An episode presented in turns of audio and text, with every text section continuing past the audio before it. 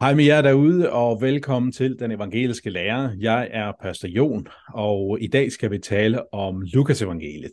Jeg har fået besøg af Børge H. Andersen, som, øh, som blandt andet har skrevet øh, en kommentar i, i to bind til øh, det, der hedder Credo-serien, eller Credo-kommentaren, uh, om uh, Lukas Evangeliet. Så ham har jeg lige inviteret indenfor til en snak om, hvad Lukas Evangeliet er for et skrift. Tanken er, at jeg vil lave uh, nogle videoer, som introducerer de forskellige skrifter i, i Bibelen. Uh, så det her, det er altså Lukas Evangeliet, vi har i fokus i dag. Velkommen til dig, Børge, og, uh, og dejligt at have dig med. Tak skal du have. Vil du bare sige ganske kort om dig selv? Nu har jeg godt nok haft besøg af dig en gang tidligere, hvor vi havde om juleevangeliet, men hvis du bare lige kunne sætte et par ord på, så, så folk har en lille bit smule fornemmelse af, hvem du er, hvis de ikke kender dig i forvejen. Ja, altså, jeg er faktisk øh, pensionist her øh, på mine gamle dage, men øh, jeg læste øh, teologi en gang i forrige årtusind, og øh, så var jeg KFS-sekretær i øh, seks år. Så har jeg været sovnepræst i København i øh, 13 år. Og øh, de sidste 17 år har jeg så været øh, rektor på Dansk Bibelinstitut og været med til at uddanne præster, missionærer og andre øh, ledere til øh, kristent arbejde. Og nu har jeg et, et deltidsjob, hvor jeg tager rundt og underviser rundt omkring i landet, og øh, også har en lille smule undervisning af studerende.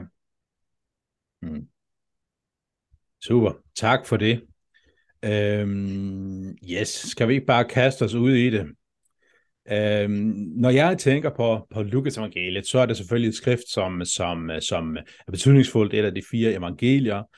Øh, men hvis jeg, skulle, hvis jeg skulle fortælle om Lukas evangeliet for nogen, så tror jeg, at, at øh, det, som, som, som jeg først ville nævne, det var, at juleevangeliet, det som vi kalder juleevangeliet, altså Lukas evangeliet kapitel 2, vers 1-14, det er sådan et af de kendte tekster fra Lukas evangeliet, og så øh, de mange lignelser, og særligt lignelsen om den fortabte søn og den barmhjertige samaritaner. Altså det er ligesom, det tror jeg vil være det, som mange, øh, hvad skal man sige, den almindelige dansker, som har en lille smule indsigt i Bibelen, ville, øh, ville kunne genkende øh, de her fortællinger.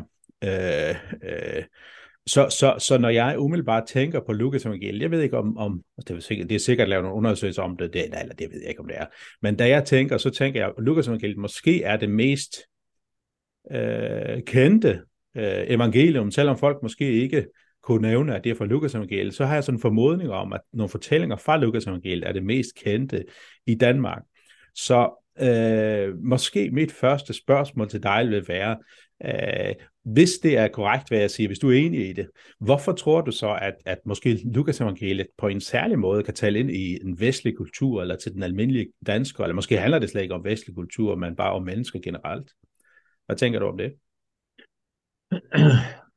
Jamen altså,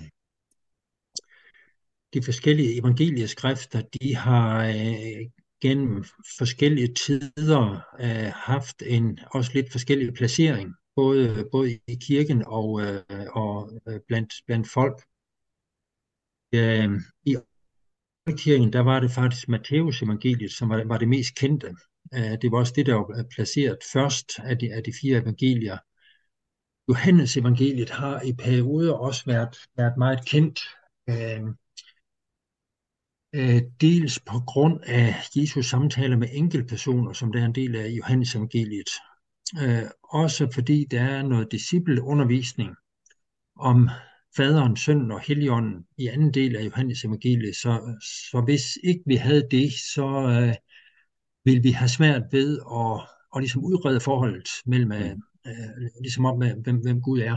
Mm. Så både Matthæus og Johannes har været ret kendt, men, men øh, der er ingen tvivl om, at, øh, at de, øh, det, som især kendetegner Lukas evangeliet, det er det Jesu lignelser, som øh, har det over sig, at har man hørt dem bare én gang, så kan man som regel huske dem mm. resten af sit liv.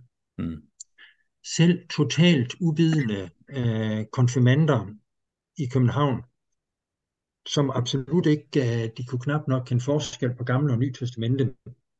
Men øh, begyndte jeg på lignelsen om den barmhjertige samaritaner, så kunne de faktisk fortælle den færdig. Altså den, den mm. øh, var gået ind i deres erindring på en eller anden måde. Så der er, øh, der er nogle specielle afsnit, som, øh, som jeg tror øh, tiltaler alle kulturer, men især øh, det humanistiske Vesten, hvor det at tage sig af den svage, det, det er noget, som, øh, som er en værdi, der står stærkt for rigtig mange. Mm. Øh, der, der er der mange, der, der griber til uh, tekster fra Lukas evangeliet, uh, mm. for, for ligesom at understrege det. Mm. Ja. Jeg har så oplevet, at, at nogen øh, tidligere muslimer, det har så typisk været iranere og afghanere, som, øh, som, som jeg har talt med eller undervist i sådan øh, øh elementær kristendom, at der, har det, der er det særligt lignelsen om den fortabte søn, som virkelig er gået ind. Øh, det her med det her billede af den kærlige far, som har haft øh, rigtig stor indflydelse i deres, øh, i deres kontekst. Det, øh, det tror jeg også er rigtigt i forhold til en muslimsk øh, kontekst, netop fordi at øh, en, en muslim vil normalt slet ikke bruge farbilledet om mm. Gud. Mm. Og, øh, og der har vi i lignelsen om den fortabte søn, også i flere andre Jesu lignelser, der, der har vi netop farbilledet udfoldet. Mm. Vi, har det, vi har det også i, i fadervor, og mm. uh, vi har Jesus der i Gethsemane, det mener faktisk det er Lukas evangeliet, som siger Abba far, altså bruger mm. den, uh, den tiltale, som et lille barn vil bruge til sin far. Mm. Det vil en jøde aldrig uh, gøre, og det vil en muslim absolut ikke, uh, ikke gøre. Og mm. uh, her profilerer uh, kristendommen noget nyt i forhold til islam, som, uh, som mange muslimer stusser over, når de uh, læser Nye Testamente. Mm. Ja. Så det er nogle stærke fortællinger, vi har med at gøre, og så selvfølgelig juleevangeliet, som stort set alle danskere, også der har haft en lille smule berøring med kirken, også vil kunne, også vil kunne genkende. Øh, og jeg tænker også, øh, der er også nogle tekster, som er, eller et par tekster, jeg tænker på, som også har haft stor betydning i, i det liturgiske liv i kirken, altså når vi knytter til ved for eksempel tidebønderne. Altså der har Zacharias lovsang, som også er der i begyndelsen af Lukas evangeliet, og Marias lovsang haft, øh, haft stor betydning. Og, og faktisk, når man har haft tidebønderne, så er det faktisk blevet bedt hver eneste dag, de her to bønder fra, fra Lukas evangeliet. Ja, og øh, der står jo i, uh, altså det, som også er specielt ved Lukas evangeliet, det er jo, at uh, Lukas skriver en, en fortsættelse, et, mm. et bind 2, mm. om det, der sker efter Jesu opstandelse og pinsen. Og uh, der står om de første kristne, de fast ved, ved bønderne. Mm. Og uh, det var sandsynligvis de bibelske salmer, som, uh, som de kendte fra jødedommen men nu øh, tolket i det perspektiv, øh, som de havde med, med, med Jesu liv og død og opstandelse. Øh, sandsynligvis var det også de bønder, som, øh, øh, som var nævnt, øh, blandt andet Zacharias lovsang, øh, Marias lovsang, Simons lovsang, som øh, spiller en, en stor rolle i indledningen til Lukas evangeliet, mm. men som øh, er blevet generelle bønder, som kristne mennesker har kunne bruge, mm. både personligt, men, men også som del af, af gudstjenesten og, og det fælles, uh, sådan en fælles kristen udtryksform. Mm. Så på den måde har Lukas evangeliet også haft uh, stor betydning. Mm. Um, Ja, lad os gå ind i de lidt mere tekniske ting. Øh, øh, Lukas, vi kalder det Lukas evangeliet. Det er selvfølgelig fordi, vi formoder, at det er Lukas, eller vi ved, at det er Lukas, der har, der har skrevet øh, skriftet. Hvad, hvad ved vi om, om, om Lukas, og hvordan, Øh, altså, nogle af, af skrifterne i, i det nye testamente, de har ikke forfatternavn på, men alligevel ved vi, hvem der har skrevet det. Det er måske lidt mere tydeligt i, i, i, i Lukas evangeliet. Men, men hvem er Lukas? Og måske også en anden ting i tilknytning til det. Hvorfor er han kommet med i Bibelen? Altså, han er jo ikke apostel. Hvorfor er det, han har autoritet til at tale sådan Guds øh, autoritative ord til os og klare ord til os? Øh, hvem er Lukas, og, og hvordan kan det være, at han får lov til det? Mm. Altså, øh, selve overskriften Lukas evangeliet, den, den er ikke en del af teksten. Mm. Øh, og det er, egentlig, det er egentlig lidt underligt. Øh, når Paulus skrev sine breve, så, så starter han med at præcisere, at det er, det er Paulus, og han skriver som apostel osv. Men det gælder jo faktisk øh, alle fire evangelier, at øh, de har ikke nævnt øh, forfatternavnet, mm. Og at øh, man faktisk skal have lidt hjælp fra de ældste øh, kirkefædre for at finde ud af, hvem det er. Øh, Lukas' navn optræder, så vidt vi ved, første gang hos øh, et øh, papyrus, altså en afskrift af Lukas evangeliet, mm. hvor at, øh, at der står ifølge Lukas, og øh, efterhånden, som man havde de fire evangelier samlet, så skrev man altså ifølge Matthæus, ifølge Markus, ifølge Lukas, ifølge Johannes, for at sige, at øh, det er det samme evangelium, de fortæller om, men, mm. øh, men der er altså fire, fire forskellige versioner. Mm. Luk, øh, Lukas kender vi fra øh, Paulus' breve og fra en række steder i Apostlenes Gerninger. Mm. Og der er det interessante ved Apostlenes Gerninger, at der er fire steder, hvor der bruges vi. Mm. Øh, vi rejste, og vi sejlede. Og øh, hvor at øh, den, som har skrevet det, er er en af de tilstedeværende i selskabet. Hvis man sammenligner de der fire bisteder med øh, de personoplysninger, vi har i Paulus' breve, så er det et navn, der springer i øjnene, og det er, det er Lukas, mm som var Paulus' rejsefælder i perioder, som, som var i Rom i forbindelse med, at, at Paulus var fængslet i Rom der ved afslutningen af apostlenes gerninger. Mm og, øh, og som er nævnt i, øh, i flere af, af Paulus' breve. Øh, Paulus nævner det interessante om Lukas, at han i øh, brevet til kolossenserne nævner øh, nogle øh, jødiske navne, som han hilser fra. Øh, blandt de omskårne af de, og så, så nævner han nogle stykker, og så nævner han Lukas adskilt fra de omskårne. Og det vil sige, at øh, det mest sandsynlige, det er, at Lukas faktisk ikke er jøde, mm. men er hedningekristen. Mm.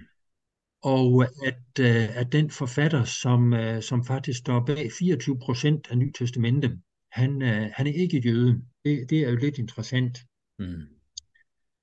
Øh, Lukas siger selv i indledning til sine to skrifter, at det, han gerne vil skrive om, det er det, som Jesus har gjort og sagt, og at han gerne vil starte helt fra begyndelsen. Mm. Og det gør han så i det følgende ved at starte med uh, Johannes Døbers forældre og fødsel, og så uh, Jesu egen undfangelse, og Maria og fødslen i stallen, og Simeon og Anna og Jesus som 12-årig osv. Han vil starte uh, fra begyndelsen. Mm. Uh, så siger han for det andet, at øh, det er ikke bare hans øh, hvad skal man sige, egen personlige research øh, af, hvad Jesus har gjort og lært, men det er sådan som øh, øjenvidnerne og ordets tjener har overleveret det. Det står i øh, indledningen til Lukas evangeliet. Altså, han gengiver den version, som øh, apostlene har videreformidlet. Mm. Det er også det, der står i apostlenes gerninger, at de første kristne, de holdt fast ved apostlenes lære. Øh, Jesus udvalgt nogle bestemte øjenvidner, som skulle øh, øh, være vidner til hans budskab og hans død og opstandelse, og som efter pinse skulle være dem, der bragte det videre. Mm. Og øh, der har Lukas altså valgt at, øh, at læne sig til, øh, til dem, og øh, og det, som han har formidlet videre, det er øh, apostlenes vidnesbyrd øh, om Jesus. Det ser vi af, at, øh, at øh, Lukas evangeliet allerede fra starten blev betragtet som et helligt skrift og blev brugt i de første kristne menigheder, mm. øh, øh blev læst sammen med de, med de øvrige skrifter har et bestemt sted i uh, 1. Timotheus brev, hvor at uh, Paulus citerer Jesus, og det er sandsynligvis et citat fra Lukas evangeliet. Mm. Og, øh, og det vil sige, at allerede i slutningen af Paulus' liv, så, øh, så var Lukas evangeliet Måske, det ved vi ikke, om det er et enkelt citat eller det hele skriftet, men måske var Lukas evangeliet allerede kendt og brugt i menighederne dengang. Mm. Øh, hvad evangelien angår, så er, der, så er der to af evangelieskrifterne, som er forfattet af aposteldisciple, og det er Markus evangeliet og Lukas evangeliet. Og så er der to evangelier, der så vidt vi kan se er forfattet af apostlet selv. Det er, det er Matthæus evangeliet og Johannes evangeliet. Mm.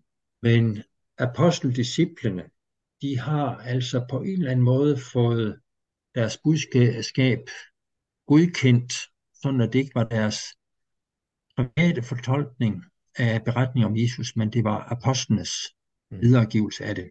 Mm. Ja. Øhm, Lukas var læge, er det korrekt? Øh, ja, det står der ja. vel, lægen Lukas, ikke også?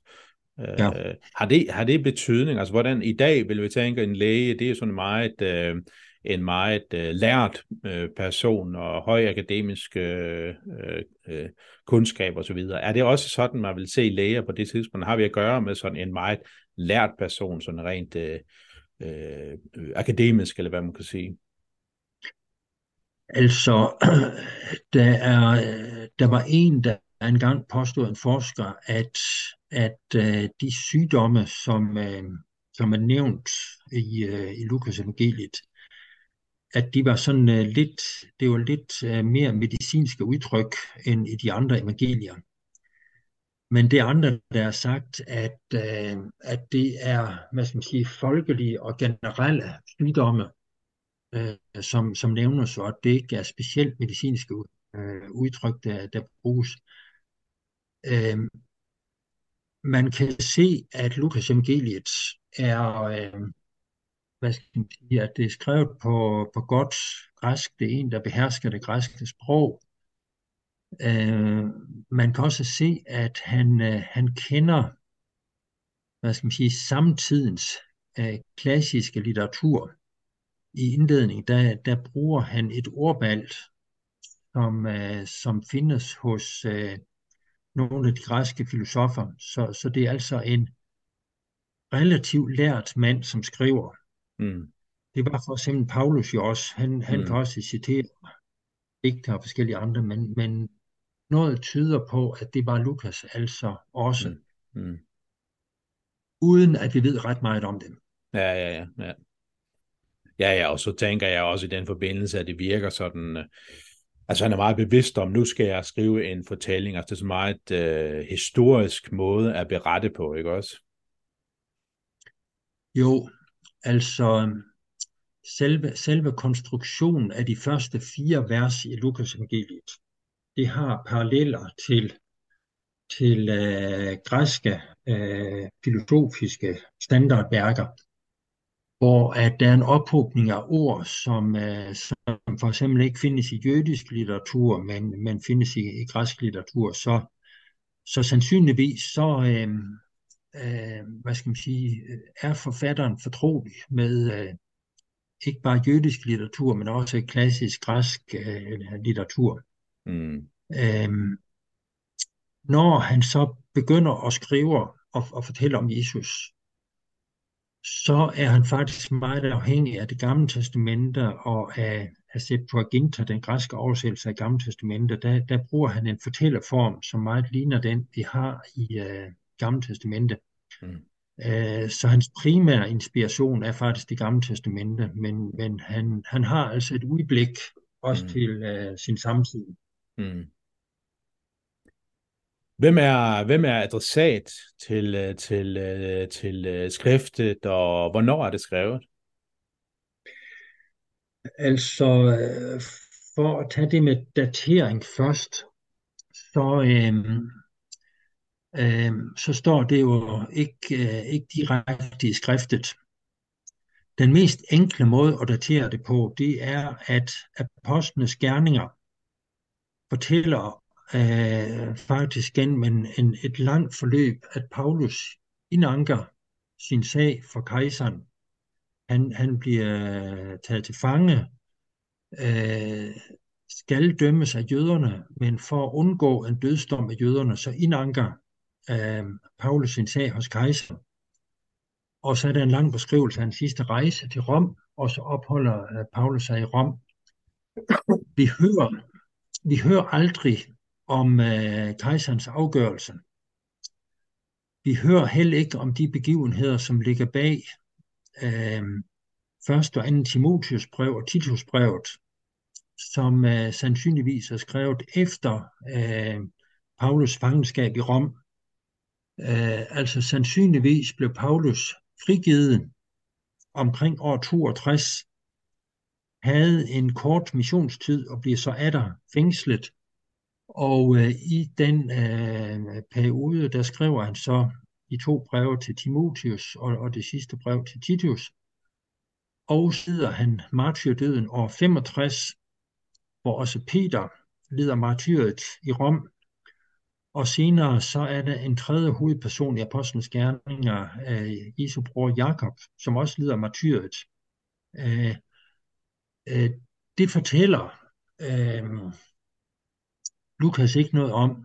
Det sandsynlige det er, at det er fordi han afslutter Apostlenes Gerninger, mens Paulus stadig sidder fængslet i Rom. Og så er vi altså først i 60'erne og 62 eller 63 eller sådan noget. Og så er evangeliet skriftet sandsynligvis før, eller det, det er skrevet før, og så er det omkring år 60. Øh, der er andre forskere, som, øh, som kommer med en anden forklaring på, hvorfor han, øh, han afslutter uden at nævne kejserens dom og martyret. Øh, og de vil datere det øh, noget senere. Der er også en dansk forsker, som har dateret øh, Lukas evangeliet til år 135 efter Kristus. Øh, det tror jeg selv ikke på, øh, men, øh, men det kan godt være senere end, øh, end år 60, øh, som jeg selv øh, sådan nogenlunde regner med. Hvem han skrev til for lige at tage det spørgsmål, det, det ved vi faktisk ikke. Øh, skrev til en enkelt person, til Ophelus. Men, øh, men samtidig er det ligesom et os, der, der huserer også i indledningen. Øh, så, så han tænker på kristne menigheder. Sandsynligvis tænker han på de mange kristne menigheder, som bestod af, af blandede grupper af både jøder og ikke-jøder, som, uh, som spredte sig i hele det område, hvor Paulus havde sit virke, og hvor Lukas jo i perioder rejste sammen med Paulus. Så uh, han skriver altså til en, men, men tænker på, på mange. Uh, tænker ikke bare på sin jødiske samtid, men også til hele den uh, græsktalende verden. Mm. Og ikke mindst i Apostlenes Gerninger har vi afsnit, som, øh, som tydeligvis er rettet til den græsktalende verden. Mm. Theophilus, øh, at det, øh, kan det være en, en, hvad skal man sige, en, en øh, øh, en, en øh, øh, latinisering eller græskificering, eller hvad man siger, af, øh, af et, et hebraisk navn, eller har vi at gøre med, med en hedning? Hvad, hvad, hvad er mest forsynligt? Eller Theophilus, kan det være sådan en symbolsk betegnelse for, for, for en mere generel modtager, ikke en konstant, bestemt modtager? Hvad tænker du? Altså, jeg, jeg tror selv, at er en, uh, en modtager, som, som hed uh, Theophilus. Der er, nogen, der er nogen, der mener, at uh, for at få manuskriptet uh, offentliggjort, det var dyrt med papyrus og afskrifter osv., så, videre, så, uh, så gjorde man det som forfatter, man en gang imellem dedikerede det til en enkelt person, som til gengæld for den ære så sørgede for, for offentliggørelsen. Mm. Det ved vi ikke så meget om, Øh, der er en interessant detalje, som jeg lige vil nævne, det er, at i øh, Lukas evangeliet, der nævnes, at øh, Theophilus han skal blive overbevist om, hvor pålidelige de ting er, som han er blevet undervist om. Men han nævnes med en øh, værslig titel, højt ærede Theophilus, mm.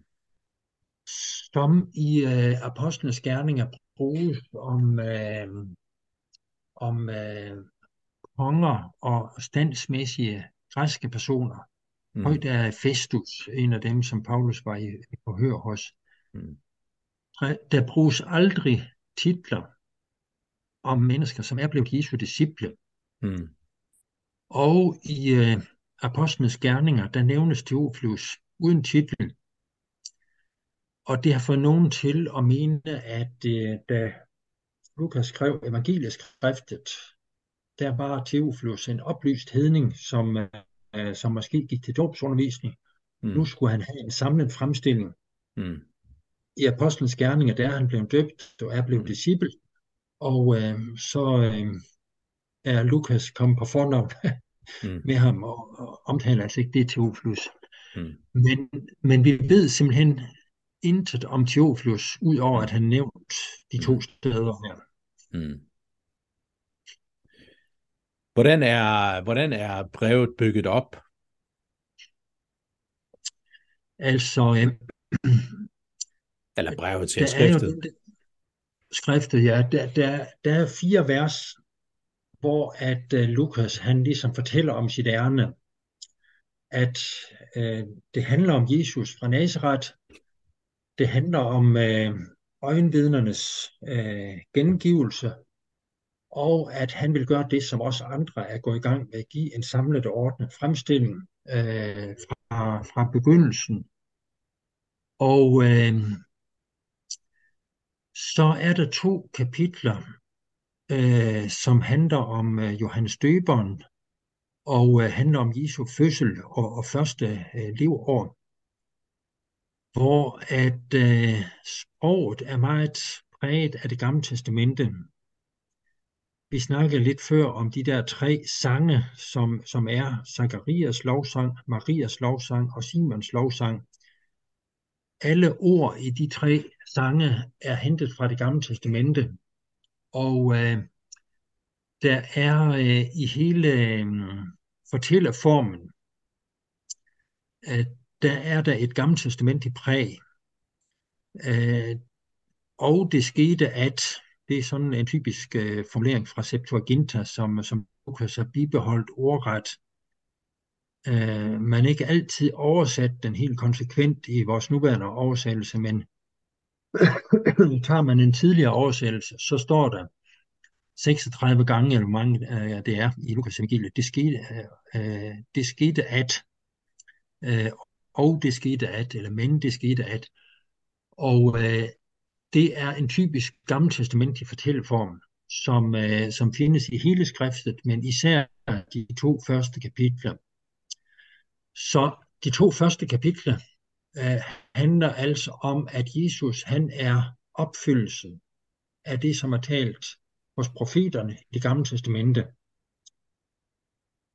Så har vi et par kapitler, der handler om forberedelsen af Jesu offentlige fremtræden. Og så har vi Jesu øh, fremtræden i Galilea fra kapitel 4 til 10. Og så har vi fra kapitel 10 til 20 Jesu sidste rejse til Jerusalem. Og øh, så handler resten af evangelieskrift, de fire meget lange kapitler, de handler om øh, Jesu øh, sidste uge i Jerusalem, hans lidelse, hans død og hans opstandelse. Mm. Den opbygning har faktisk øh, Matthæus evangeliet og Markus evangeliet også. Sådan en geografisk bredt opbygning. Men øh, det er Lukas, der har den længste fortælling mm. om Jesus sidste rejse mod Jerusalem. Mm. Øh, og, øh, og, og, og øh, de er altså valgt ligesom den samme position, men øh, bygger det op på tre forskellige måder. Mm.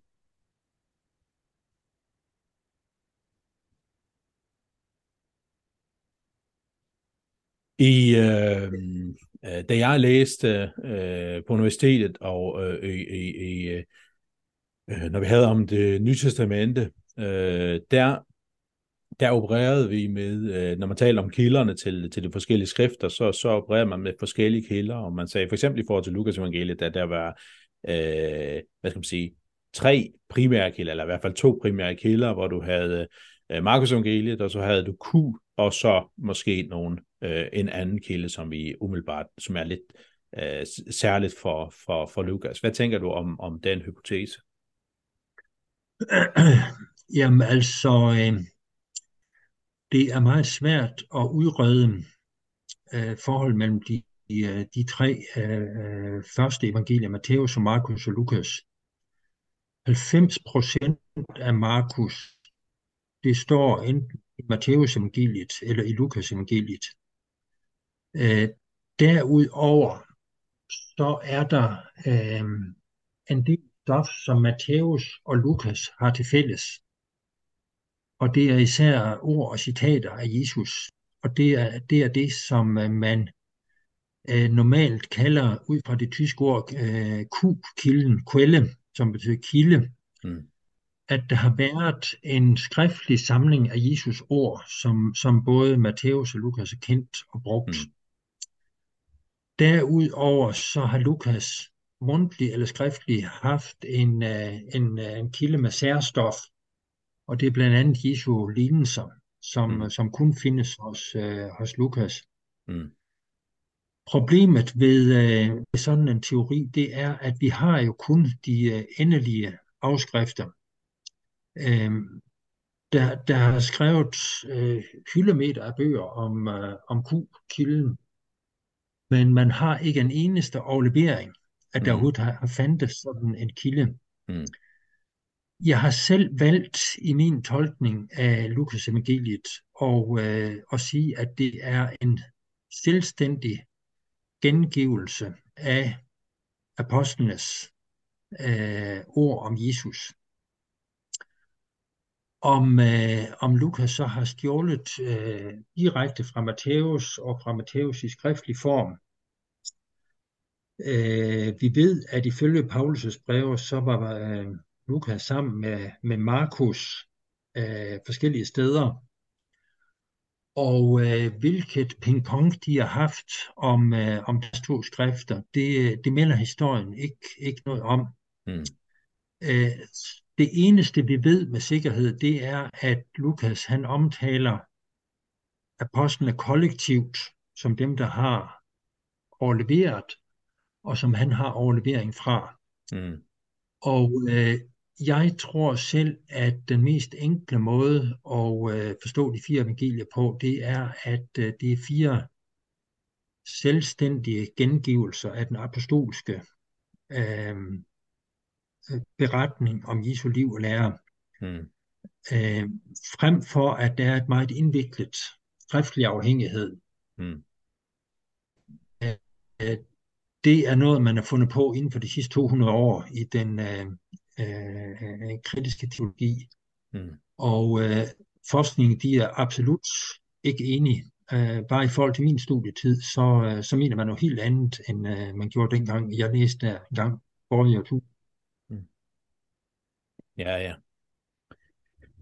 Øhm, hvad er det, hvad, øh, øh, ej, før jeg lægger alt for mange ord i, i munden, så, øh, så tænker jeg, når man ser på evangelierne, så, så ser det meget bevidst ud, at den sidste del af Jesu liv, eller rettere sagt den sidste uge af Jesu liv, det er det, der følger allermest i forhold til andre temaer. Ikke også? Så, så jeg tænker, det ser i hvert fald ud til at være noget tydeligt budskab, som evangelisterne ønsker at få med. Uh, hvis du er uenig i det, så kan du selvfølgelig sige det. Men hvad er ellers det overordnede budskab i Lukas evangeliet?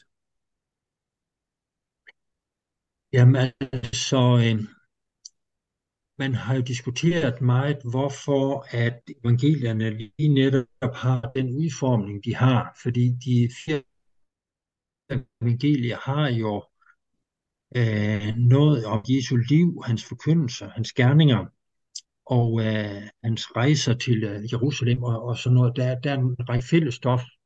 Og de er også fælles om, og øh, jo tættere vi kommer på afslutningen, jo mere detaljeret bliver skildringen. Sådan at øh, en tredjedel af evangelierne handler faktisk om den sidste uge af Jesu liv. Mm. Øh, hvorfor, hvorfor det er sådan, øh, det tror jeg, man skal øh, ty til indholdet for at forstå. Øh, Lukas han er overbevist om, at Jesus er Messias. Han er opfyldelsen af det gamle testamente. Men da han begynder at tale om, at Messias skal lide og dø, så reagerer disciplene jo, og, øh, og folkeskaren reagerer. Og øh, den jødiske overbevisning, det var jo, at en lidende og døende messias, det er en falsk messias. De kunne simpelthen ikke forene det med, øh, med deres øh, messias forventning. Hmm. Derfor har Lukas evangeliet, nu må jeg hellere holde mig til Lukas evangeliet, den, den har en, en meget stærk fokus på, at det egentlige Jesu liv, det foregår i Jerusalem. Øh, fra kapitel 10, der holdt Jesus sig Jerusalem for øje som målet for sin rejse. Og så har Lukas 10 kapitler, som er bundet sammen af nogle øh, meget korte led, mens han var øh, på rejse, eller mens han vandrede, så skete der det eller det, eller så sagde Jesus, det er jo det. Men det overordnede perspektiv, det er altså, at Jesus er på vej mod Jerusalem.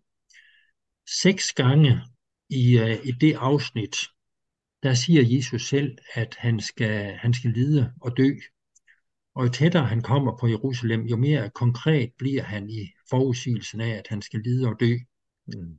Derudover nævner det, han det i nogle uh, lignelser og forskellige andet.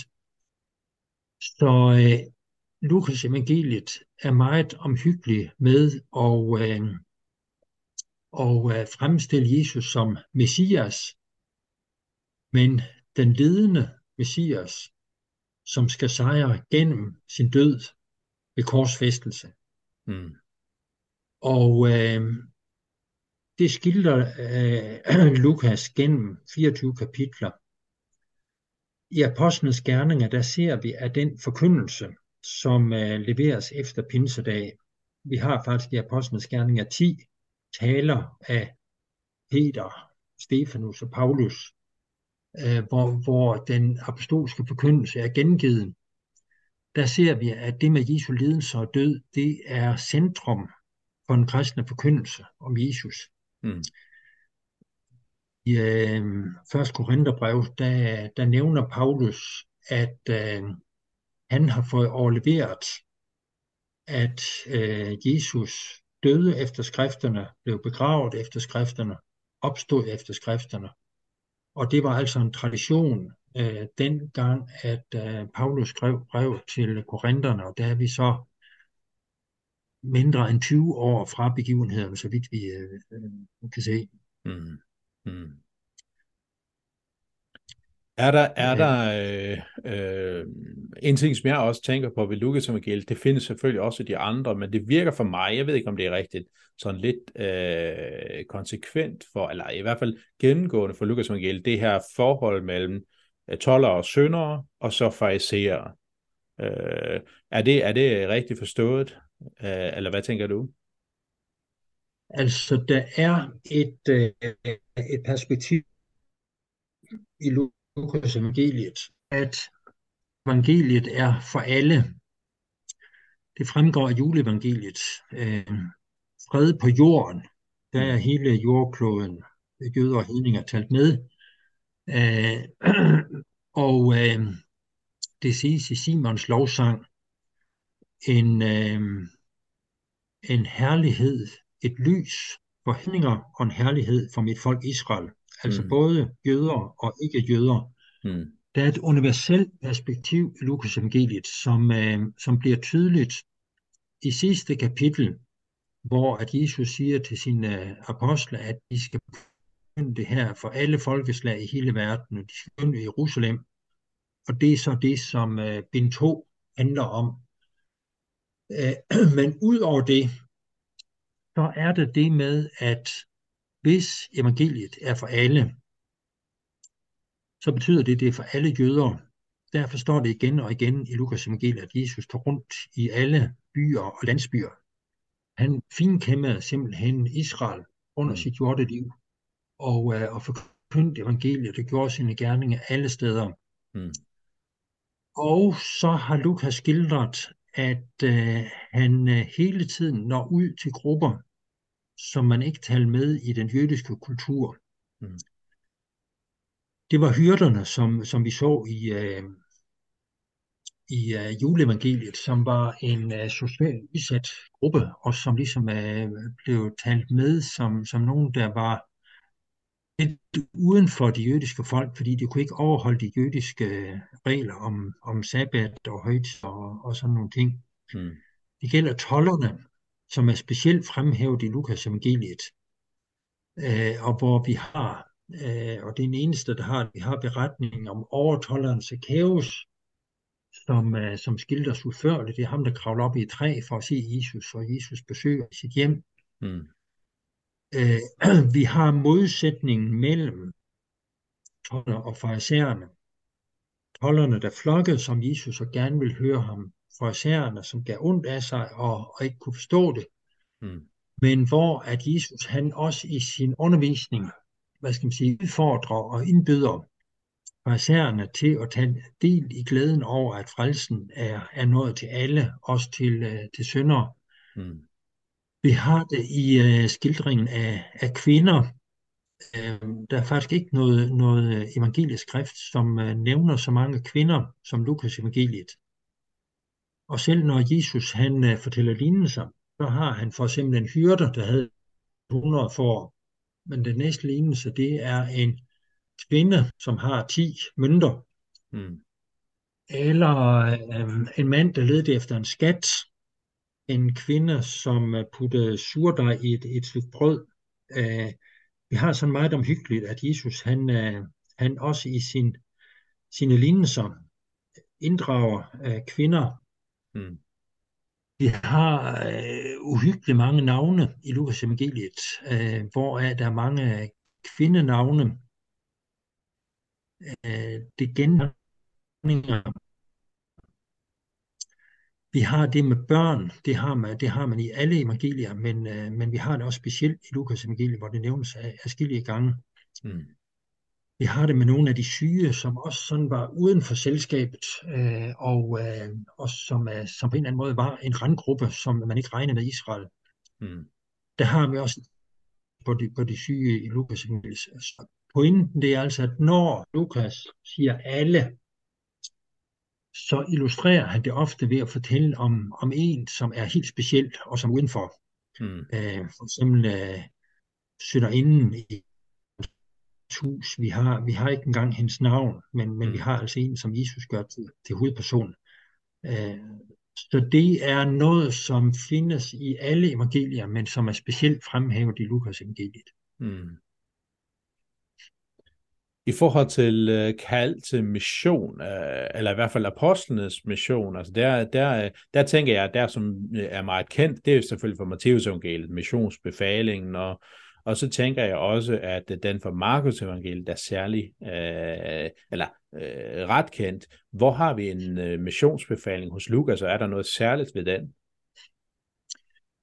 Altså, vi har en i Lukas øh, 24, hvor vi har Jesu opstandelse først i kapitlet, så har vi en lang beretning om to, der går til Emmaus og møder den opstandende. Og så har vi et afsluttende møde med Jesus og apostlene, hvor Jesus siger, at dette evangelium skal forkyndes for alle folkeslag øh, til søndernes forladelse, og I skal begynde i Jerusalem. Det er så at sige øh, Lukas' missionsbefaling hvis vi kun havde Lukas evangeliet, så ville vi tro, at Jesu opstandelse, mødet med apostlene, og så uh, missionsbefalingen, at det uh, alt sammen foregår inden for et døgn, eller, eller få dage i hvert fald, fordi at det er sådan beretninger, som skildres efter hinanden, og man tror umiddelbart, at er fundet sted i et hug. Mm. I Apostlenes Gerninger fortælles det samme, og øh, der er sådan uh, lidt uh, oplysninger på, at uh, Jesus mødte sine disciple i, uh, i 40 dage, og uh, det er derfor, vi ved, at der er 40 dage mellem påskedag og Kristi himmelfart. Hvis ikke vi havde apostlenes gerninger, så ville vi ikke vide det. Mm. Og øh, så fortælles om himmelfarten, og så det, at du gentager evangeliet om mig, det skal forkyndes. I skal begynde i Jerusalem, så i Samaria, så for hedningefolkene, og så skal I fortsætte ind til jordens ende. Det gentages i apostlenes gerninger. Mm. Og øh, øh, ligesom den missionsbefaling, vi har der, den er en gengivelse af dispositionen i apostlenes gerninger. Først om pinsedag med udrustningen af apostlen og Peters pinsetale, menigheden i Jerusalem, de første kapitler i apostlenes gerninger. Så begynder evangeliet at sprede sig til Samaria, nogle specielle episoder i forbindelse med samaritanerne, der modtager evangeliet. Så øh, bliver Paulus kaldet som apostlen, og, og, og øh, Peter han får lov at forkynde øh, evangeliet for hedninger. Og så har vi Paulus' missionsrejser, hvor at, øh, at nu er i grad kommet i fokus mission snart. Men vi har det altså, altså evangeliet allerede i kapitel 2, hvor at, øh, den gamle Simon siger, at det barn, han skal være et lys for hedninger. Mm. Han skal altså nå ud også til ikke-jøder. Mm. Øh, og der siger øh, Simon noget, som er et citat fra som jøderne ikke, øh, hvad skal man sige, havde et fokus på øh, overhovedet, men, men som altså fylder meget i øh, Lukas evangeliet. Mm. Er der andre særlige øh, temaer og, og begreber, som er, som er vigtige at tage med, når, når vi taler om Lukas evangeliet? Og øh, der er en del begreber, som kun findes hos Lukas, og øh, sådan en, som er lidt som mig, vil gøre væk på de øh, øh, begreber. For, for ordet i dag, øh, det gentages en række gange. Øh, I dag er det født frelser, det, det siges i øh, evangeliet og i beretningen til øh, er det kom frelse til dette hus. Og det røveren på korset, i dag skal du være med mig i paradis. Så der, der er ligesom et fokus på nutiden. Samtidig er der noget, som gennemsyrer Lukas evangeliet, øh, nemlig Guds frelsesplan, som er opbevaret gennem profeterne i det gamle testamente, som går i opfyldelse med Jesu komme hvor at øh, Jesus, især i Lukas evangeliet, men også i de andre, siger, at Jesu komme har flere faser. Først skal menneskesynden forkastes af denne slægt. Skal i folkeslag komme. Det siges i Lukas 12 og 17. Kan du lige prøve at gentage det, Børge? andre, men det sidste mest udførligt. Ja, det var altså i Lukas 12 og Lukas 17 og Lukas 20. Der siges det med, at Jesu komme har faktisk tre faser. Den nutidige fase, det er Jesu fremtræden på jorden, som slutter med hans lidelse, død og opstandelse. Så er det evangeliets tidsalder, og det er det, som er apostlenes gerninger, ind, som er den periode, vi lever i nu, uh, hvor at evangeliet stadig lyder rundt omkring uh, på jorden, og hvor Gud kalder jordninger til at tro på Jesus og en del af Guds folk. Mm. Og så er der stadig et fremtidigt perspektiv, nemlig at, øh, at en dag, så kommer Kristus i herlighed og så fuldfører han, øh, han, han sine løfter. Mm. Så der er altså i Lukas evangeliet både et fokus på i dag, og så et fokus på, på Guds plan, som, som har en række hvad skal man sige, centrale nedslagspunkter, øh, som, øh, som Lukas udfolder. Mm. Måske passer det også meget fint, at, at, at, at komme til det sidste punkt, jeg kan godt tænke mig, at, at vi tog, øh, tog med, og det er relevans for nutidens danskere.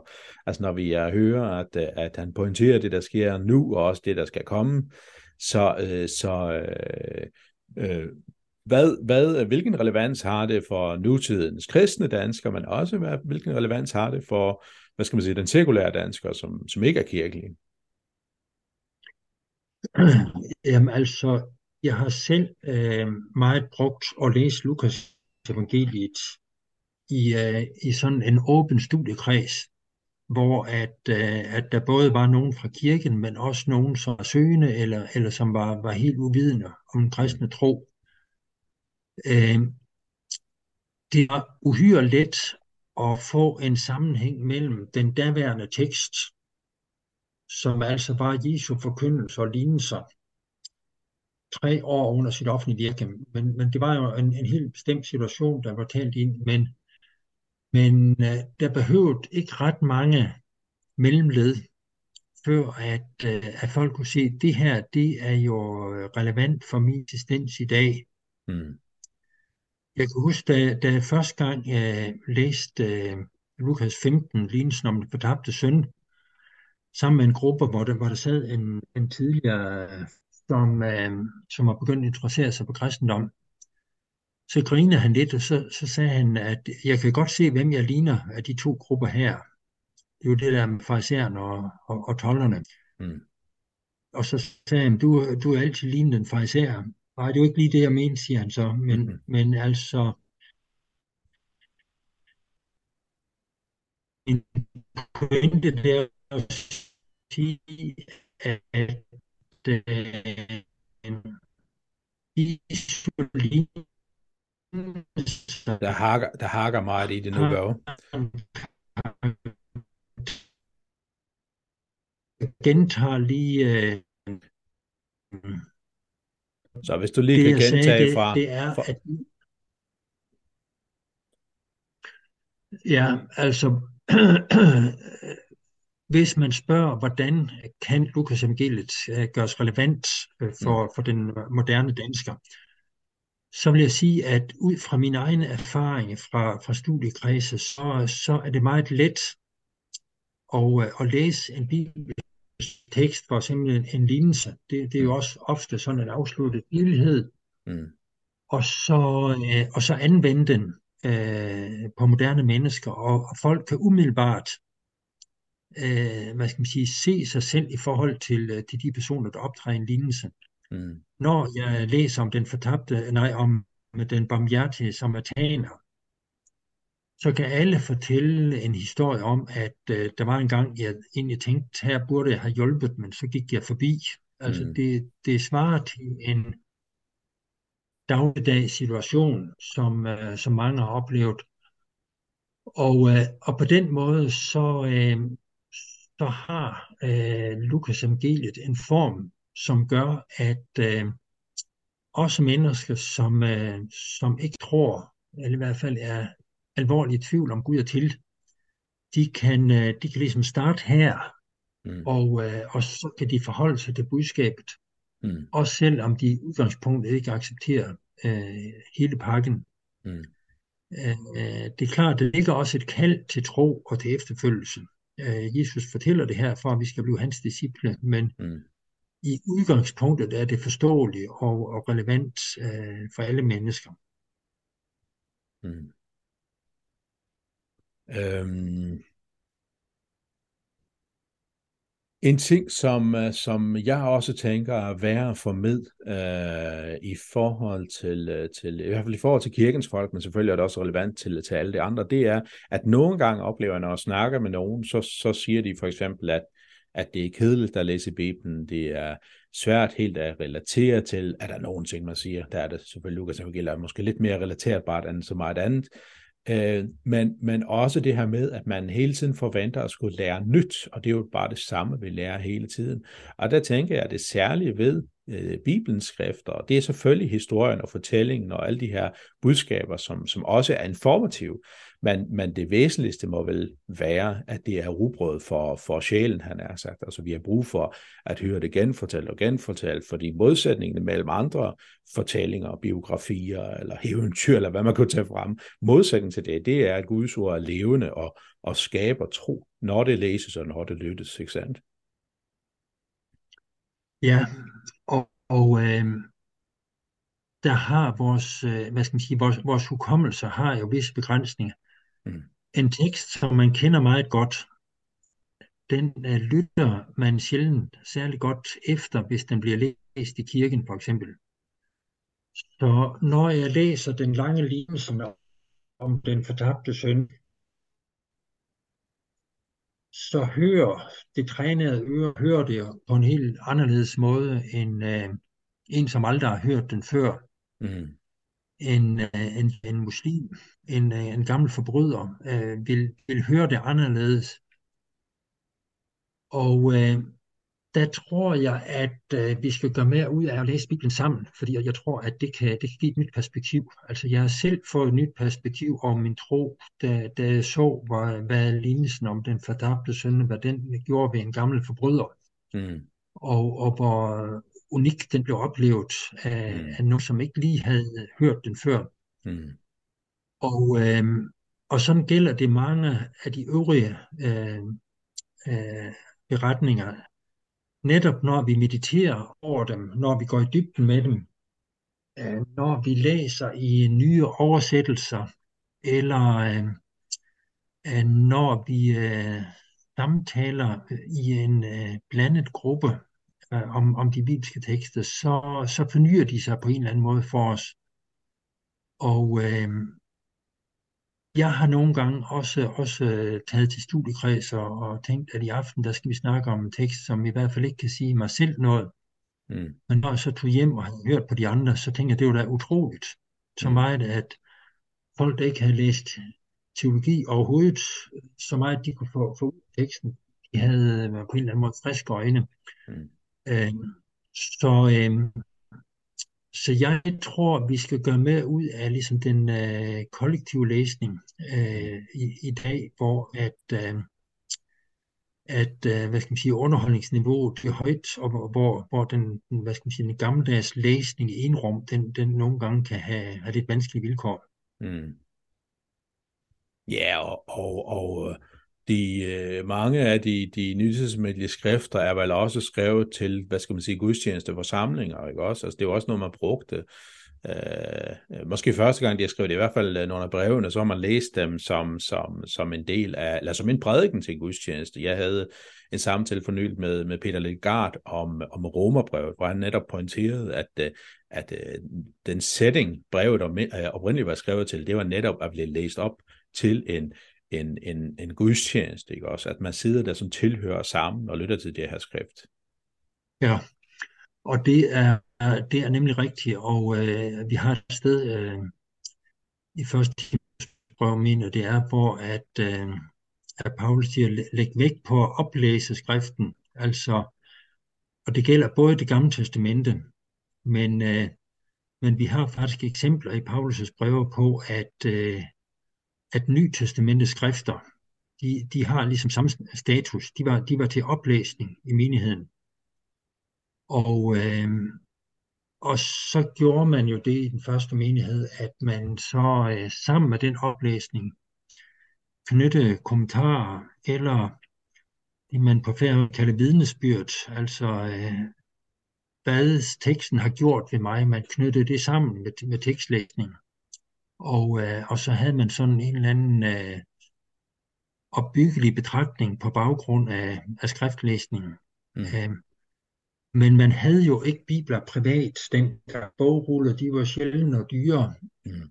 Men øh, man havde evnen til at lære udenad, og, og så havde man ligesom den øh, kollektiv erindring, at når man var sammen til gudstjeneste, så, så læste man skrifterne, og så, så indlærte man dem på den måde. Mm. Så hvad siger du, at den personlige bibellæsning, den øh, behøves vi ikke at bruge tid på, eller hvad?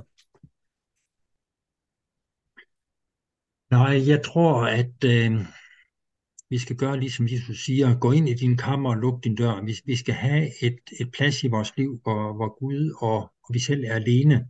Mm. Vi, vi skal også lade Guds ord i rigt mål bo i vores hjem. Øh, det, det siger Paulus.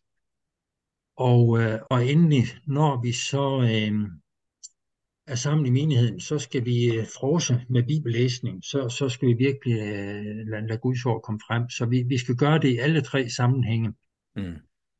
Men øh, i en kultur, hvor mange, der ikke længere læser, fordi det er det også blandt, blandt kristne, så, øh, så siger jeg, så må vi jo hjælpe hinanden øh, ved at øh, blive mere kollektiv i vores øh, tilegnelse. Mm. Så øh, øh, i min ungdom, der, der læste vi mange bøger. Det, det gør øh, min børns generation, de gør ikke på samme måde. Øhm, det gælder også Bibelen. Jeg, jeg læste Bibelen fra ende til anden i mine teenageår. Øh, det er det faktisk ikke vildt mange, der gør i dag, tror jeg ikke. Mm, mm. Men, men øh, så må vi tilegne os Guds ord på, på anden vis, og, og mm. der må vi hjælpe hinanden. Ja, ja, lige præcis. Uh, ja. Um, det her øh, til sammenfatning, øh, hvad tænker du, at vi skal tage med os herfra, og, og er der nogle afsluttende bemærkninger, du, du gerne vil komme med? Jamen altså, øh, bare, bare et eksempel på, at det er godt, vi har Lukas evangeliet. Øh, I, øh, jeg mener, det i, i Matthæus og i Markus, der står der om de der to forbrydere, øh, som, øh, som Jesus blev korsfæstet sammen med ham, at de hundrede øh, ham også. Øh, men det er kun Lukas, som har beretning om den ene røver, som i dagens løb angrer og øh, beder Jesus om en tanke, og så er det, at Jesus siger, i dag skal du være med mig i paradis. Mm. Øh, I den ene sætning, der er øh, essensen i Lukas evangeliet sådan set nævnt, at Jesus han er vejen tilbage øh, til paradis. Mm. Midt i den elendige situation, at de bliver tortureret og hængt op på et kors til offentlig forsmedelse, mm. så får røveren det budskab. Mm. Og øh, det har hjulpet øh, millioner og det millioner af mennesker i hele verden. Så mm. øh, det er essensen i Lukas evangeliet. I dag skal du være med mig i paradis. Mm. Ja, Tak skal du have, Børge. Jeg er virkelig taknemmelig for og glad for, at du har lyst til at være med. Øh, det er en fornøjelse. Øh, og så også til jer derude, tak fordi at I har lyttet med eller set med. Og så ønsker jeg al Guds velsignelse, og jeg håber, at I har blevet øh, styrket i jeres bibelglæde, og får lyst til øh, også at fordybe jer måske endnu en gang i Lukas evangeliet. Tak for nu. Tak for nu. Ja.